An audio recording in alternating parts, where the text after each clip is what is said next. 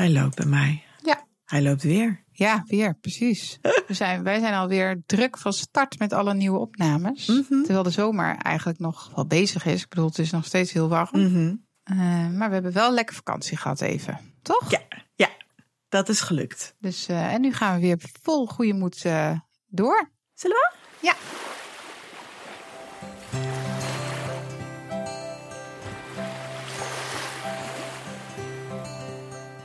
Welkom bij Verloskundig Baken, de podcast die een podium geeft aan innovatie en vernieuwing in de geboortezorg. Wij zijn Meerda Knol. En ik ben Kirsten Schatelier. En we hebben deze podcast al voor de zomer opgenomen, voor de zomervakantie eigenlijk. Mhm. Dit is het portret van twee zorginkopers bij een zorgverzekeraar. Mhm. En ja, de meeste mensen zullen wellicht denken van, nou ja, die zijn onbereikbaar.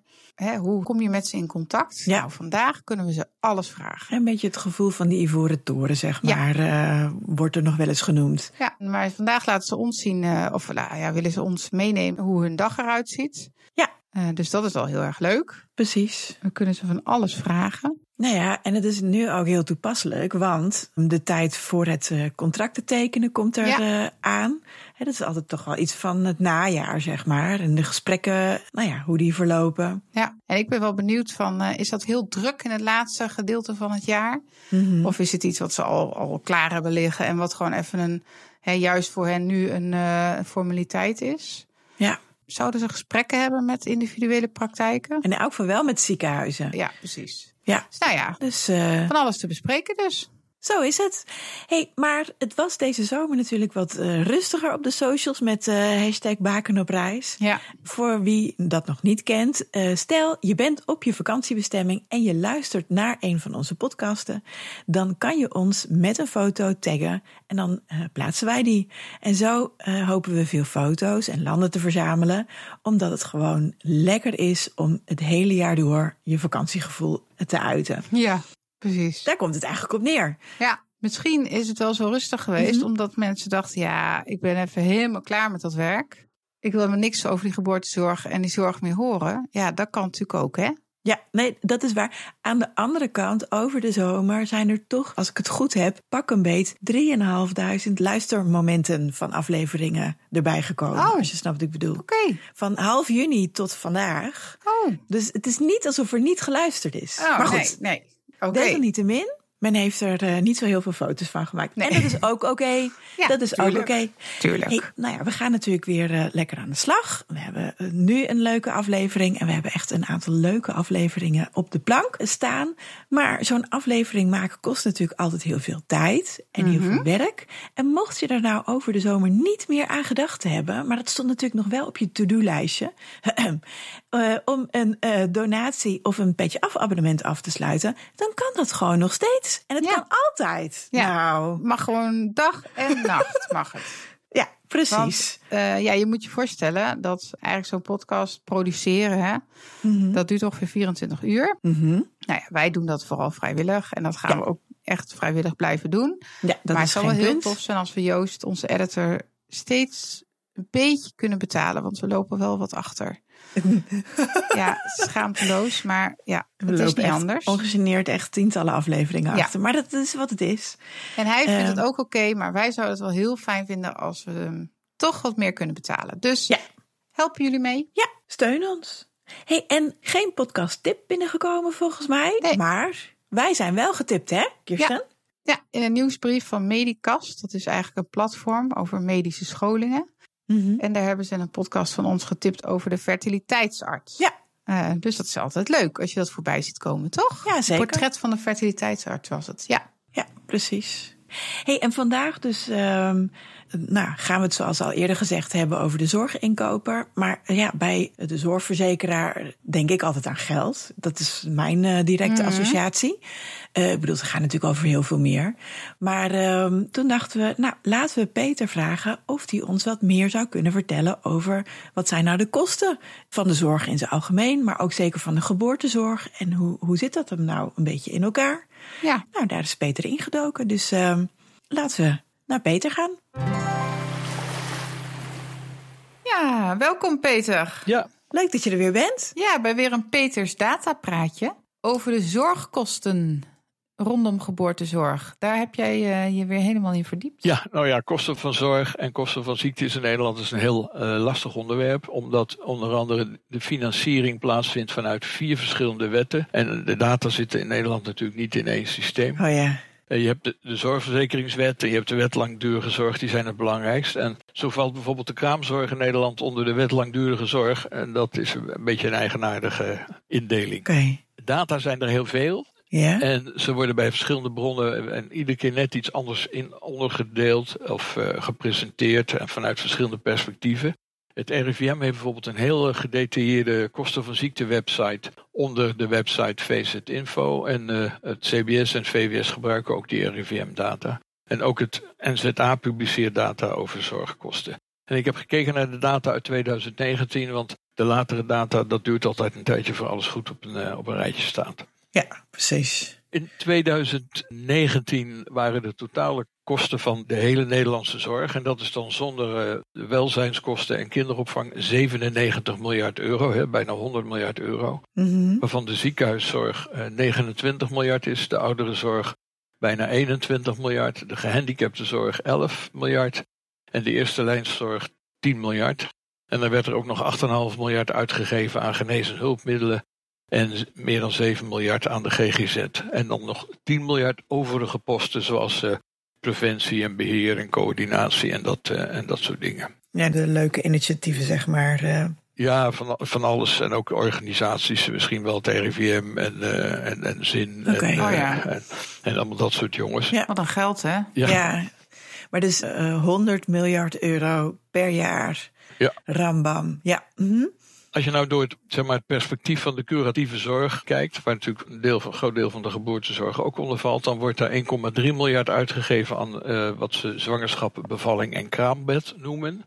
En dat is 1,3 van de in totaal ruim 38 miljard die aan de curatieve zorg wordt besteed. En dat is 3 tot 3,5 procent. Nou, dat is dus echt maar een fractie. Ja, een hoop geld, maar. Het begin van het leven is niet duur. Het begin van het leven is niet duur, ja, dat zeg je nee. mooi. nou ja, of je zou juist moeten zeggen: in het begin van het leven moet je investeren. En uh, nog wat meer van dat potje preventie erin stoppen. Zodat de rest van het leven niet zo duur hoeft te zijn. Dat Daar hebben we hier dus nog niet meegerekend. En dat is wel Nee, goed dat, dat- je het zegt. Ja, Als we nog even bij die geboortezorg blijven, Ja, dan sorry. we nemen de NZA-website, want die heeft ook weer, weer een andere manier van presenteren. Mhm. Die komt dan op eh, 1,23 miljard in 2019. Hè, dat klopt al goed met die 1,3 die we eerder zagen. ja, Waarvan dan eh, 630 miljoen voor medisch specialistische zorg, 234 miljoen voor verloskundige zorg en 62 miljoen, en dat is wel een leuke opsplitsing voor wat de NZA integrale zorg noemt. En ik neem aan dat dat de IGO-kosten zijn. ja, En daarnaast dus nog 300 miljoen naar, eh, naar kraamzorg. ja, Jongen, ja. ja, precies. Wat een, wat een geld, hè? Ja, maar goed, wat je zegt in verhouding. In verhouding natuurlijk echt een fractie. Ja, precies. Ja, oké. Nou ja, de NZA geeft die kosten ook per cliënt en dan komen ze op 3627. 2600 voor medisch specialistische zorg, 940 verloskunde, 1350 aan kraamzorg. Maar ze hebben veel meer cliënten dan volledige zwangerschappen. Dat is een ingewikkelde berekening. En als je het per zwangerschap plus bevalling rekent, dan moet je natuurlijk die 1,2 miljard delen door 170.000. En dan kom je op iets Ja. van 7200 euro per eh, bevalling, laten we het zo noemen. Ja, precies. Ja, en dat wisselt dan natuurlijk. De een heeft veel meer nodig dan de ander. Maar eh, ja. Ja, nou ja, en, eh, en dan betalen de baby's zeg maar mee. Hè, want het zijn natuurlijk het aantal baby's dat geboren worden. ja. Voor de zwangerschappen die niet doorgaan. Maar in essentie geeft dat wel een soort van, nou ja, rekenpunt. Ja, Ja, en dat is natuurlijk wat we eigenlijk willen doen. Dat kostenplaatje willen zien voor de hele integrale geboortezorg. Dan, ja, dan moet je wel, eh, zien dat hier een heleboel andere kosten niet worden meegerekend. Ik bedoel, kosten van IVF eh, niet, ja, NICU-opnames niet, oh ja, de screeningen niet, eh, abortus, of je dat wel of niet eronder rekent, kan je wel discussiëren. ja, Maar ook niet van het, het ambulancevervoer van zwangeren of pasgeborenen. En ook bijvoorbeeld de financiering van de preventie van dingen als kansrijke start. En van organisaties als Perinet, CPZ, eh, RIVM Mhm. en ZIN, die ze op het gebied van de geboortezorg doen. Of de kosten van de onderzoeksprogramma's van ZonMW op het gebied van de geboortezorg zijn ook allemaal niet meegerekend.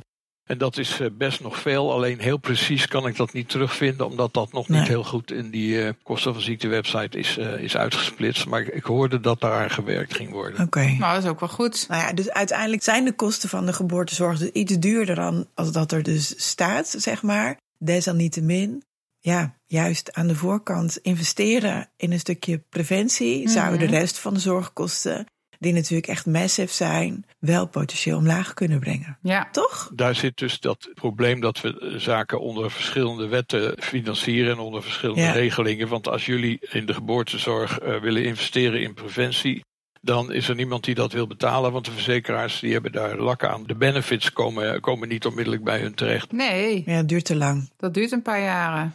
Ja, ik snap het. Ja, maar goed. Ja, nu hebben we het genoemd. We hebben het eerder ook in podcast benoemd. Hè, in de podcast van... Uh... Ja, we moeten ook nog een keer een podcast maken over preventie. Ja, dat is een goeie. Gaat op het lijstje. Oké. Okay. Staat al op het lijstje.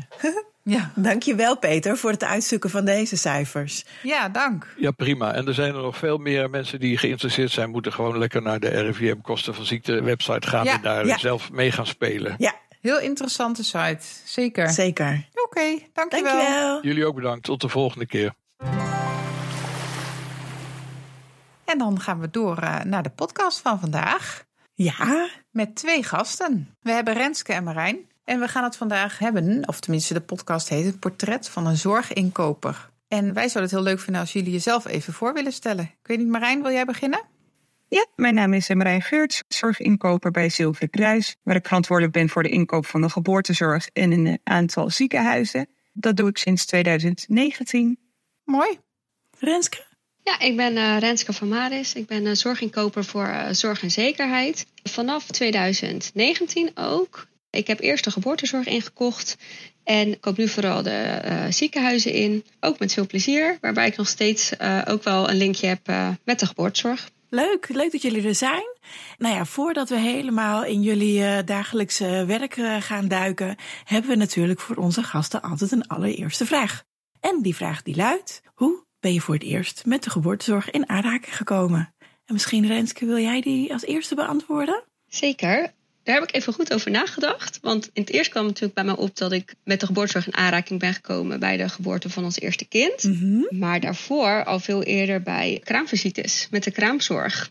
Wel eens bij uh, kennissen of bij vrienden van mijn ouders Oh, op ja. visite gingen als er een kindje was geboren. Ja. En daar liep dan altijd de kraamzorg. Ja. Dus dat is eigenlijk de allereerste keer dat ik daarmee uh, in aanraking kwam. Ja, Mooi. En jij, Marijn? Nou, ik herken me wel in wat Renske zegt als je het hebt over de geboortezorg uh, om je heen. Mhm. Dus echt bevallingen en neefjes, nichtjes, uh, vriendinnen die kinderen hebben gekregen. Daar, uh, daar zit je dan wel dicht bovenop, dus dat is heel erg mooi. ja. Uh, vanuit het werk, dus meer vanuit de inhoud, is dat ik vanaf 2017 bij Zilveren Kruis werk op de afdeling strategie en innovatie als beleidsontwikkelaar. En daar het dossier geboortezorg onder mijn hoede heb uh, gekregen. Mhm. Dus 2019 uh, daar de inkoop van doe. En zelf uh, nou, sinds 14 februari 2023 moeder ben geworden van onze mooie zoon Stan. Ja, nou dat is natuurlijk echt een heel real-life ervaring met de geboortezorg. Ja, super bijzonder. Echt heel bijzonder. Ook om gewoon mee te maken van nou, hoe als cliënt of als patiënt, hoe het, hoe het nu echt werkt.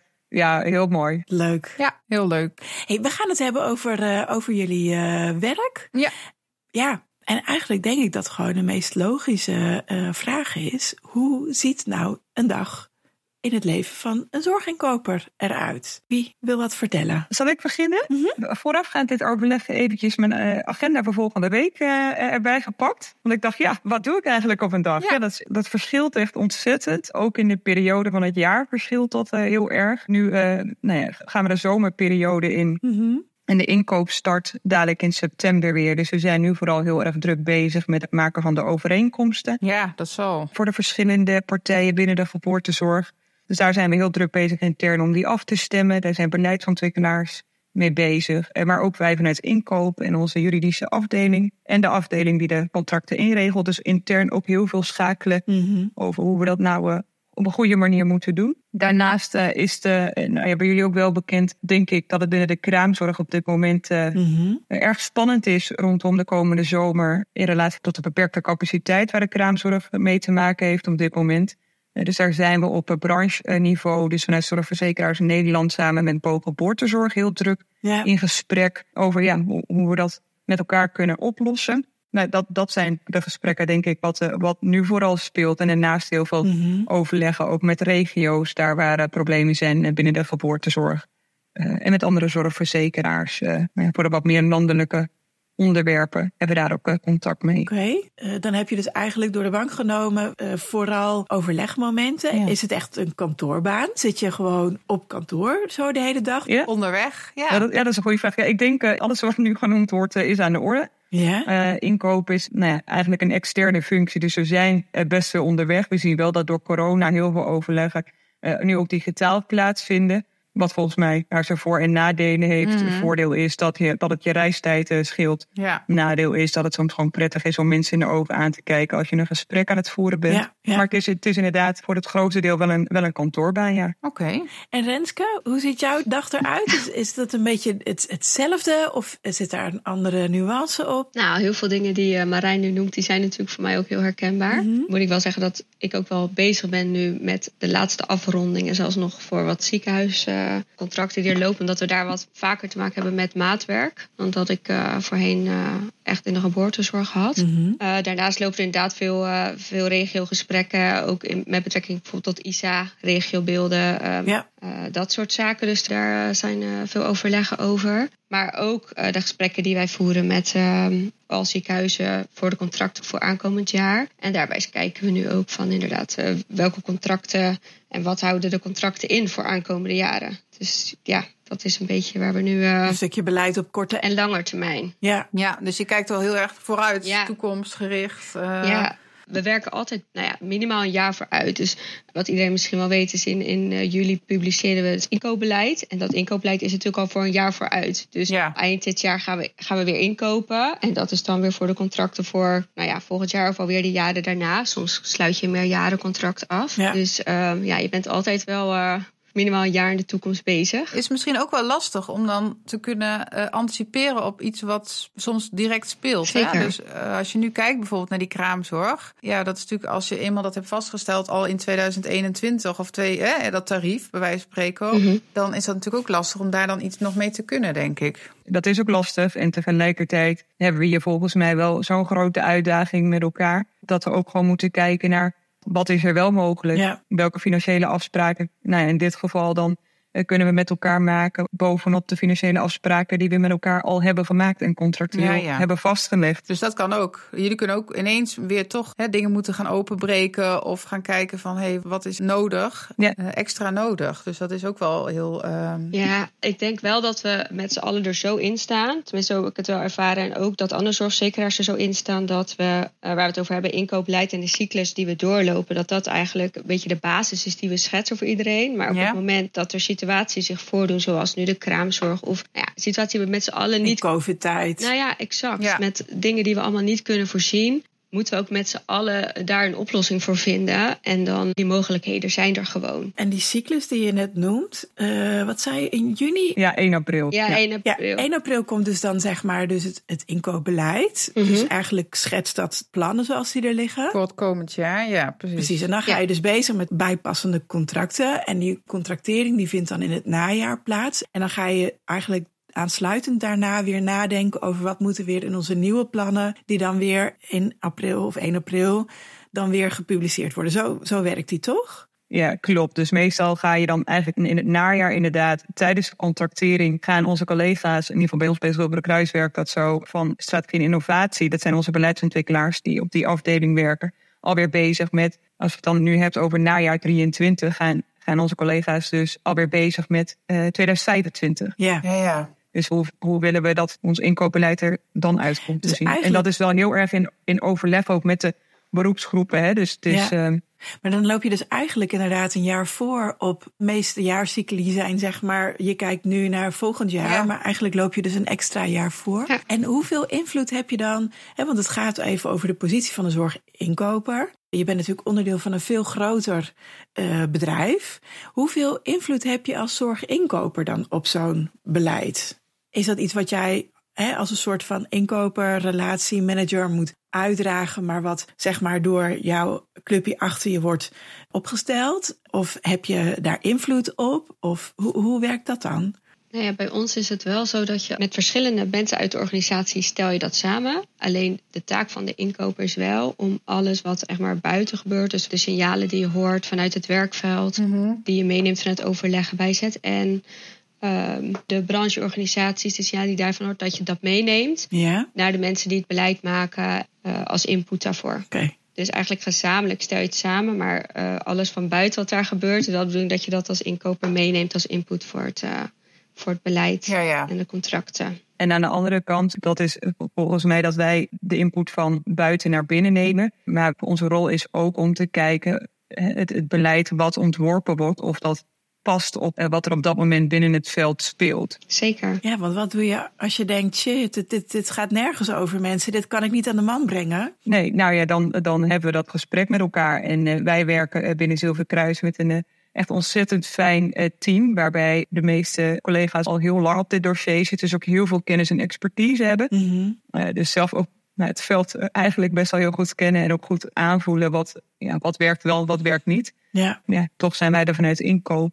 Ja, ook om de stem van de, van de zorgverleners in deze toch ook weer terug mee naar binnen te nemen. Ja, ja precies. Zien jullie dan ook bijvoorbeeld dat dat inkoopbeleid, dat gaf je aan, hè, dat wordt gepubliceerd. Zien jullie dat dat gelezen wordt? Ja, of kan je daar dialoog over voeren, zeg maar? Ja, ik denk, er is nog wel één tussenstap, zeg maar. En dat merk ik wel dat wel in het veld gebeurde. Want op het moment dat, tenminste zo doet zorgzekerheid dat, de, de grote lijnen van zo'n beleid staat, Mhm. Dan proberen we dat wel in het stadium voordat we het publiceren, ook wel de, de grote wijzigingen daarvan voor te leggen bij verschillende brancheorganisaties. Om daar zeg maar feedback Oh, ja. op te krijgen. precies. Eh, en ook de toetsen van, joh, klopt het hoe wij dingen neerzetten of hoe wij dingen zien. Dus dat is het. En op het moment dat het is gepubliceerd, merk je ook wel is dat brancheorganisaties dit oppakken en ook gewoon met hun leden eh, doorvertalen. Mhm. En daarmee ook de verschillende inkoopsbeleidstukken vergelijken en dat als overzicht doorgeven. En als je dan zegt van heb je er echt veel gesprekken over met zorgaanbieders, ja, daar kan je niet echt eenduidig antwoord op geven. Met sommigen wel. Want dan merk ik gewoon in Mhm. gesprekken van die hebben het gelezen en die komen erop terug. Ja. En het gebeurt ook dat je met inkoopgesprekken ehm, dingen ter sprake komen waarvan ik denk, ja, oeh, dat stond in het inkoopbeleid. Het had wel goed geweest als je Ja. dat had gelezen en daar misschien iets eerder mee had gekomen. Had echt fijn geweest. ja, precies. Maar ik kan me voorstellen dat het dan anders is als je het hebt over ziekenhuisinkoop. Hè, waarbij je inderdaad nou ja, bij die inkoopgesprekken echt een gesprek hebt, zeg maar. Ja. Versus, ik denk dat het voor de kraamzorg hetzelfde werkt als voor de verloskundige praktijken qua inkoop. Marijn? Eh, ja, ja, in principe eh, wel. Binnen de kraamzorg eh, hebben wij vaak wel met de grotere kraamzorgaanbieders Ja, ja.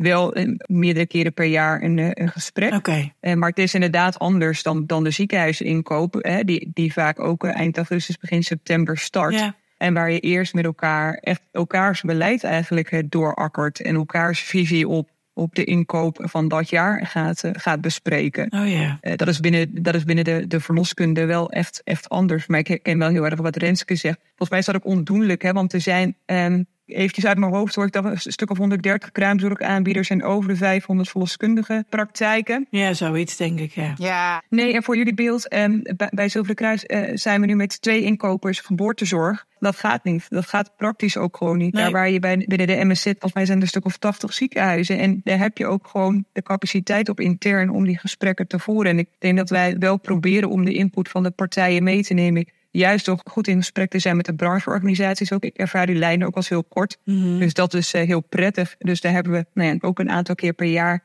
een gesprek mee. Maar, maar ook als wij tussentijds wat, wat willen checken bij, eh, bij hen. Hoe denk je dat het gaat vallen in het veld? Nou zijn de lijnen wel kort om dat ook gewoon goed met elkaar vooraf te toetsen. ja, ja. Een goede toevoeging ook. Ik denk dat het ook goed is om te melden dat vanuit de, hoe we werken, dat er toch ook wel een verschil zit tussen Zilveren Kruis en Zorgzekerheid. Zilveren Kruis is natuurlijk gewoon landelijk groot, zeg maar. Die, die Ja. heeft overal een Mhm. groot aandeel. Zorgzekerheid is echt een regionale aanbieder. Dus wij zijn echt meer regio gefocust. wil niet zeggen, want ik bedoel, eh, kraamzorg kopen we landelijk in en verloskunde bijvoorbeeld ook. Alleen we hebben toch meer een regionale focus. En dat betekent wel dat we met aanbieders die bij ons in de regio groot zijn, Mhm. ik daar vaak wel, toen ik geboortezorg inkocht, wel vaak eh, wat meer contact mee had. En dan dat soort gesprekken wel had met de inkoop van eh, wat gaat er wel goed en niet. En daarmee kwam dat van zo'n inkoopbeleid ook wel eens ter sprake. En dat is dan wat makkelijker als dat je een zilverlijk huis inderdaad overal groot aandeel hebt. En uh, ja, Ja. ze gewoon niet allemaal kan spreken, zeg maar. Dus Ja. dat is een beetje een verschil in aanpak wel. Ja. In, nou ja, hoe het eigenlijk gaat gewoon. Ja, En logisch ook. Zeker. Want ja, als je zegt ik ben regionaal, dan ben je ook kleiner. Ja. En dan, Ja. hè, dat, klinkt, dat klinkt ook ja eh, dat inderdaad maakt het zo. soms En- gewoon iets anders. Ja, Maar dan is het wel interessant, want er, er wordt nou ook nog wel eens gezegd van goh, er lijkt zo'n afstand te zijn tussen de zorgverlener en de zorg, hè, de, de- of de zorgaanbieder, hoe je het noemen wil, en de zorgverzekeraar. Maar ik denk, ik kan me voorstellen dat dat ook een interessant is. De vraag is hoeveel afstand wil je hebben? Want je wil eigenlijk de input hebben op je inkoopbeleid. En je wil eigenlijk eh, daarin de dialoog zodat je dat als, als zorginkoper mee kan nemen naar jouw clubje achter, zodat ze goed gevoed worden qua wat is nou een goed inkoopbeleid. En ik, ja, ik denk dat daarin dat heel waardevol is, maar wel binnen bepaalde grenzen. En dus wel een bepaalde mate van bereikbaarheid, maar niet een soort van wekelijks aan de telefoon hangen eh, met feedback. nee, Toch? precies. Nou ja, ik denk dat als je het hebt over, over echt landelijk beleid, dan is dat volgens mij eh, inderdaad zo zoals jij het nu schetst. Daar waar de regio's zijn die met hele regionale problematiek, Mm. dan hebben we wel veel frequenter contact met, eh, met de zorgaanbieders daar in de regio. Ja. Dus dat kan wel eh, tot wekelijks, soms meerdere keren per week, dat we contact hebben over joh, hoe loopt het nou bij jullie, welke interventies Ja. kunnen we wel of niet inzetten met elkaar. En ik denk misschien wel goed om te benoemen, toch heel eventjes kort, is dat wij, eh, we kopen natuurlijk ook de integrale geboortezorgorganisaties in. En dat lijkt wel iets meer op de inkoop eh, van de ziekenhuizen. Dus daar hebben we wel echt fysieke dan wat digitale inkoopgesprekken Ja. mee. Ja, ja. En misschien ook met de zorggroep Ja, qua inkoop. Weet ik niet. Ja, inderdaad, Mirna. Daar hebben we ook eh, gesprekken mee. ja. We hebben natuurlijk een Zolle zorggroep, dus ik kan het Ja? niet Ja, laten om te ook. Ja, nee, nee, nee. Je hebt helemaal, je hebt helemaal gelijk. Daar hebben wij ook, eh, hebben we ook contact mee. Ja. Ja, ja. Hey, want voor jullie is het natuurlijk ook wel. Kijk, jullie hebben de opdracht natuurlijk om die zorg in te kopen. Maar aan de andere kant moeten we met, de, met z'n allen constateren dat het ook betaalbaar moet blijven. Hè? Ja. Maar ik als zorgverlener denk van ja, weet je, ik wil heel graag natuurlijk eh, eh, dit en dit. En ik wil zus en ik wil zo. En daar wil ik misschien ook wel een tarief voor. Het lijkt mij best lastig voor jullie soms om, om die. eh ja, tweestrijd klinkt misschien een beetje gelijk heel heftig. Maar hoe vind je daar nou de balans in? Ja, dat je denkt van hoe ga ik dat aanpakken? Ja, dat is best wel ingewikkeld. En dat is denk ik ook de uitdaging waar wij met z'n allen, dus niet alleen wij vanuit de zorgverzekeraars, maar ik denk iedereen binnen de zorg, die heeft de uitdaging voor zich om eh, betaalbaarheid, eh, toegankelijkheid en kwaliteit van zorg, eh, die drie aspecten in balans te houden. En ik, Ja. dat is inderdaad heel erg ingewikkeld. Soms als de eerste lijn in dit geval met een hele mooie innovatie komt, wat echt flinke extra veel geld gaat kosten, dan moeten wij ook met elkaar het gesprek aan van joh, waar komt dat geld dan vandaan? Hè? Vindt er een verschuiving plaats vanuit de tweede lijn? Ja, maar ja, krijg dat dan maar eens uit het budget van de tweede Ja. lijn, toch? Dat is dan denk ik ook heel moeilijk om dat transparant te krijgen, toch Renske, denk ik? Ja, dat is heel lastig. De gesprekken met de inkoop van ziekenhuizen gaan natuurlijk nooit specifiek over een bepaalde zorgsoort. Dat is budget wat je als Nee, precies. Nee. Dus dat is terecht dat je dat zegt. Dat is vaak wel een uitdaging. Hoewel wel, als we spreken over nou ja, juiste zorg op de juiste plek... of verschuiving van, eh, Mhm. van tweede naar de eerste lijn... Mhm. zijn dat wel aspecten die je wil meenemen. Maar ja, is dat soms wel echt lastig. Ja, Ja, Ja. en dat maakt het ook vaak echt wel lastige gesprekken en discussies... van eh, eh, waar doen we goed aan? En nou ja, wat je zegt, hoe houden we nou die zorg betaalbaar... ja. met dat we ook het goede doen op de juiste plek. Ja, Nou ja, Ja. precies. Enerzijds heb je natuurlijk zorg waarbij je zorg op de juiste plek geeft. En dan denk ik altijd snel aan toch aan zorgverschuiving. Hè, of dat je zorg buiten het ziekenhuis geeft. Anderzijds denk ik dat het woord preventie ook vaker een eh, Mhm. eh, woord zal zijn die jullie benoemen. En dat geeft natuurlijk ook een stukje preventie van eh, zorgkosten.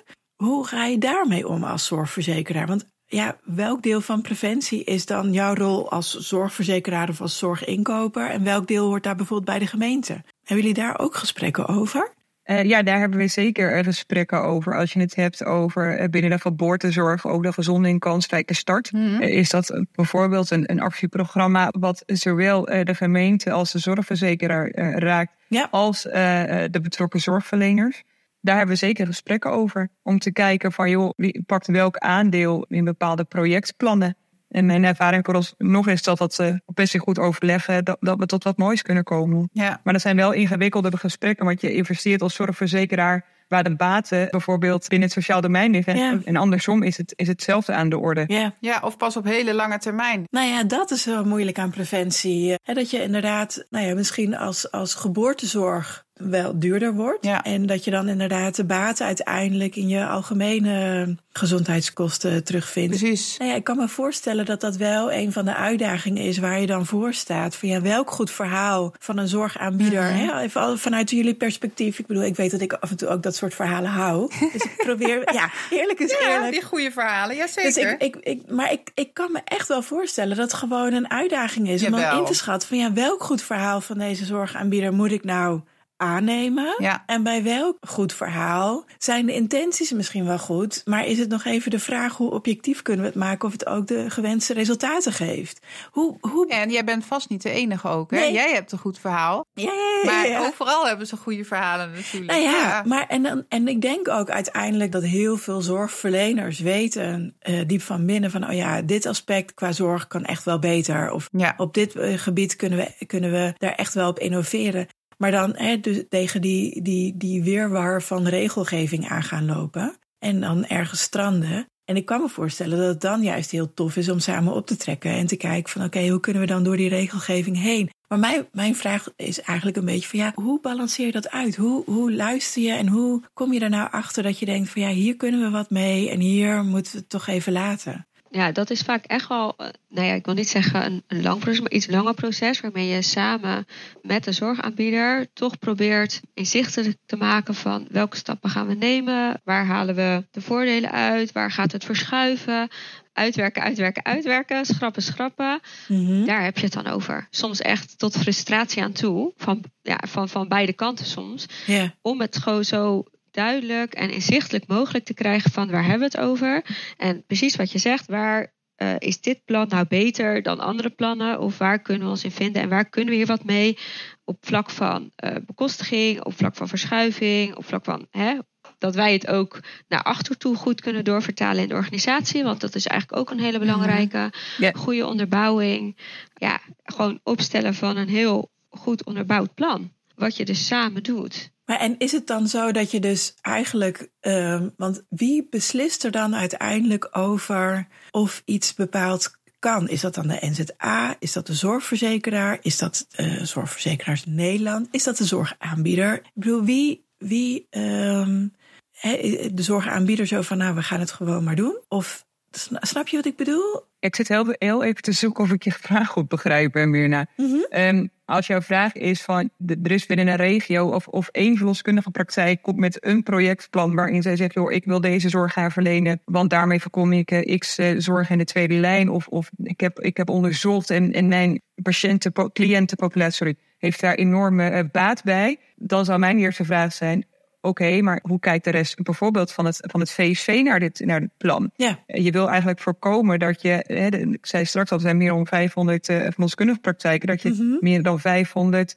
eh, hele kleine eh, afspraakjes maakt met wat, wat verschuiving van zorg bijvoorbeeld met zich meebrengt. Je wil ja. volgens mij zorgen dat je impactvolle eh, afspraken met elkaar maakt, waar ook echt de partijen die dit raakt betrokken zijn bij eh, het opstellen van dit plan.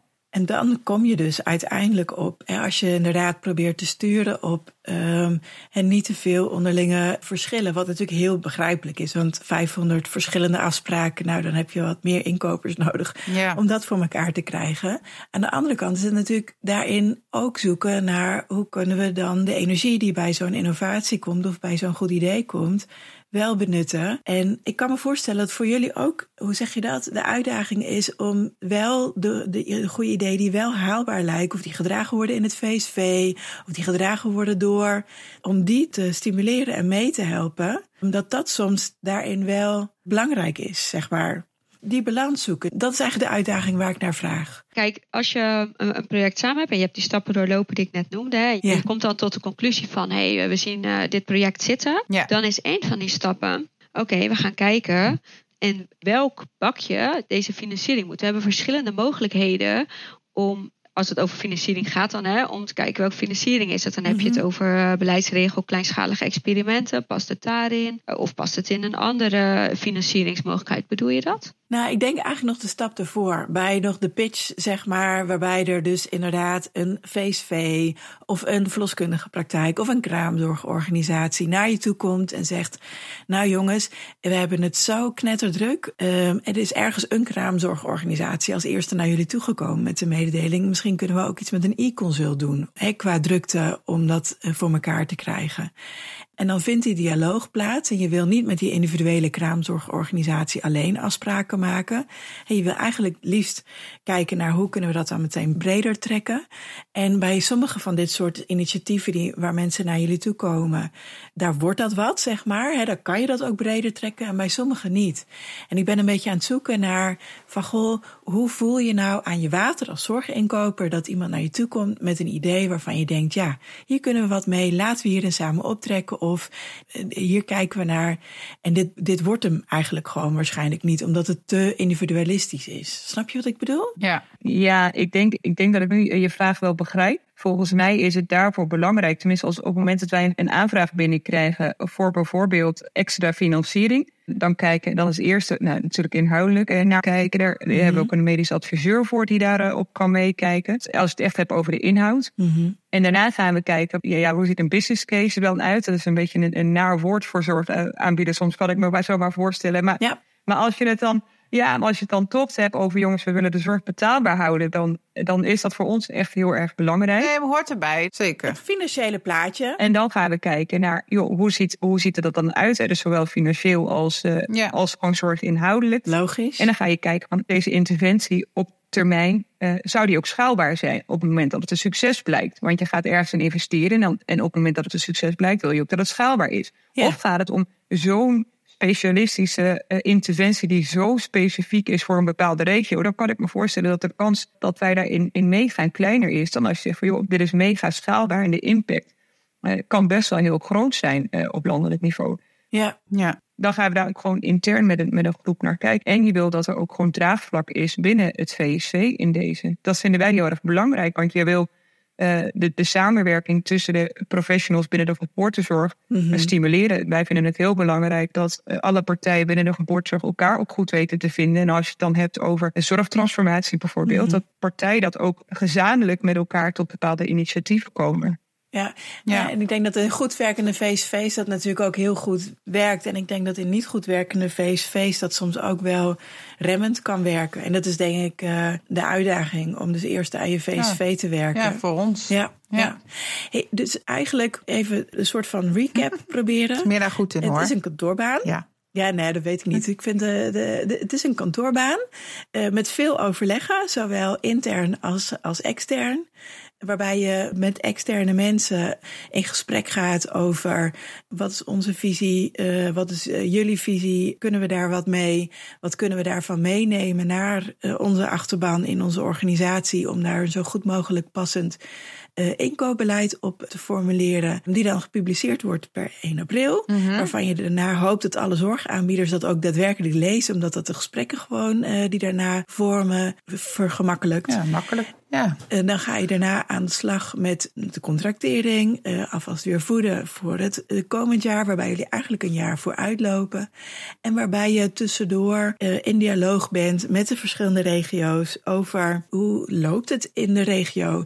Hè, op het moment dat er problematiek is in een regio, heb je intensiever overleg of uitdagingen of leuke kansen. En dan heb je wat, wat intensiever overleg met elkaar. En ook juist al die informatie gebruik je ook weer om mee te nemen om als zorgverzekeraar zo goed mogelijk aan te sluiten bij enerzijds de zorg en anderzijds bij de zorg betaalbaar houden en de kosten eh, scherp houden, de kwaliteit hoog houden. Chips, je had er nog net eentje, Marijn. Toegankelijkheid. ja, zeker. En de toegankelijkheid van de zorg. Ja, precies. Zo? Is het een beetje een. Kunnen je daarin vinden? Nou, ik zou er een, eh, een vacaturetekst van maken weer naar. Ja, Fantastisch. Ik denk je dat je de belangrijkste dingen gevat hebt zo, ja. Hadden jullie zelf nog toevoegingen? Of zeg je van nou dat... dat... Nee, Nee, ik, ik hoop gewoon dat, wat jullie net ook zeiden, dat er soms wat afstand gevoeld wordt naar de zorgverzekeraar.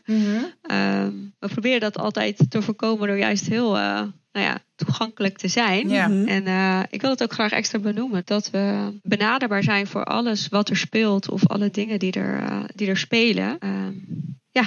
En het dus daarin ook helpend kan zijn om op het moment dat er dus Nou, exact. actualiteit is, of op het moment dat jij denkt van, goh, dit speelt er. En eigenlijk zou het goed zijn als ons een ketenpartner, hè, want onze portretten zijn allemaal van ketenpartners in de geboortezorgketen. Onze ketenpartner, de zorgverzekeraar, daar ook van op de hoogte is, dan eh zoek contact. Waar ik nog benieuwd naar ben, is wat maakt dat je met een glimlach naar je werk gaat? Wat maakt dat je denkt, ja, ik heb een leuke baan? Marijn? En nee, ja, ik vind dat ik echt een ontzettend leuke baan heb. Ik vind het eh, onderwerp eh, en geboortezorg vind ik reuze interessant. De dynamiek tussen de verschillende disciplines binnen de geboortezorg vind ik ontzettend interessant. Het is relatief gezien, wat, wat Renske straks al aanstipt, een, Mhm. een wat, wat kleiner segment, ook binnen de zorgverzekeraars.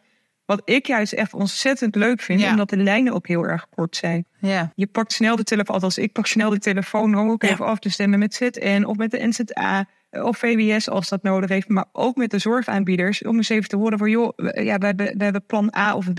Hoe kijken jullie daar eigenlijk naar? En ja, dat vind ik gewoon echt super tof.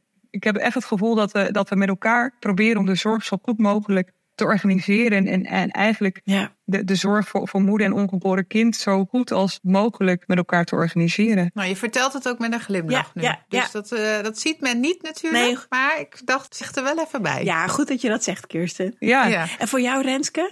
Nou, ik ga met heel veel plezier naar mijn werk, omdat ik elke dag wel het doel heb om mijn steentje bij te dragen aan goede kwalitatieve zorg die gewoon voor iedereen toegankelijk is en ook moet blijven. Mhm. Ja, en het gevoel dat ik daar toch echt nog wel mijn steentje aan kan bijdragen iedere dag maakt dat ik nog heel veel voldoening haal uit mijn werk. Leuk. Ja, Ja, ik kan me wel voorstellen hoor. dat gevoel van een stuk invloed Ja. hebben jullie natuurlijk allebei inderdaad Ja, daarop. zeker. Absoluut. Dus dat is super gaaf. Ja, Leuk. ja mooi. Dank jullie wel voor een kijkje in jullie eh, werk. Ja, Nou ja, hoe het, eh, hoe het is. ga zo door. Keep up the good work. Mhm. hè? Zeggen we altijd maar. Ja, dank jullie wel. maar Dank je wel.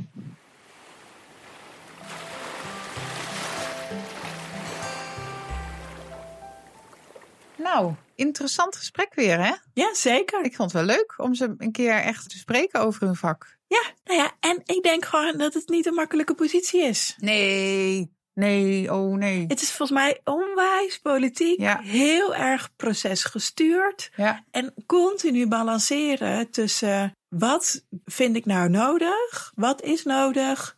Eigenlijk zijn het soort van poortwachters van het geld. ja, En eh, vul ik nu even in, hè? En dat continu dat balanceren, nou, lijkt me echt geen makkelijke job.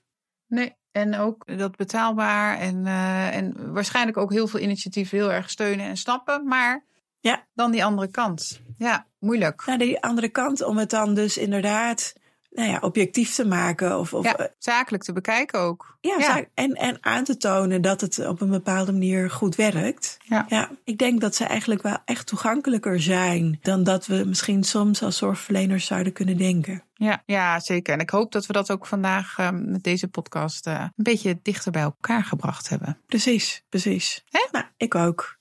Oké, nou dat is alweer onze 58ste aflevering. Ja. Mirna. Ja, ja, ja. De Ja, eerste weer na de zomer. ja We zijn weer gestart. zo is het. En dit was hem. Dit was hem. Nou, dankjewel aan eh, Renske en aan eh, Marijn Ja, zeker. voor het eh, fijne en interessante gesprek. En natuurlijk ook een dankjewel aan Joost Dekker-Upkes en zijn technische ondersteuning. En het team van Verloskundig Baken, Kaarika van Hemert, Jolanda Liebrechts, Rachel Rijntjes, Esther Feijen de Jong, Marlou Dankers, Manon Friese, Suzanne Uiterwaal en Kelly de Jong. Nou, top. Zijn jullie nou nieuwsgierig of je wil graag reageren hier ook op de- deze podcast, maar ook op eerdere?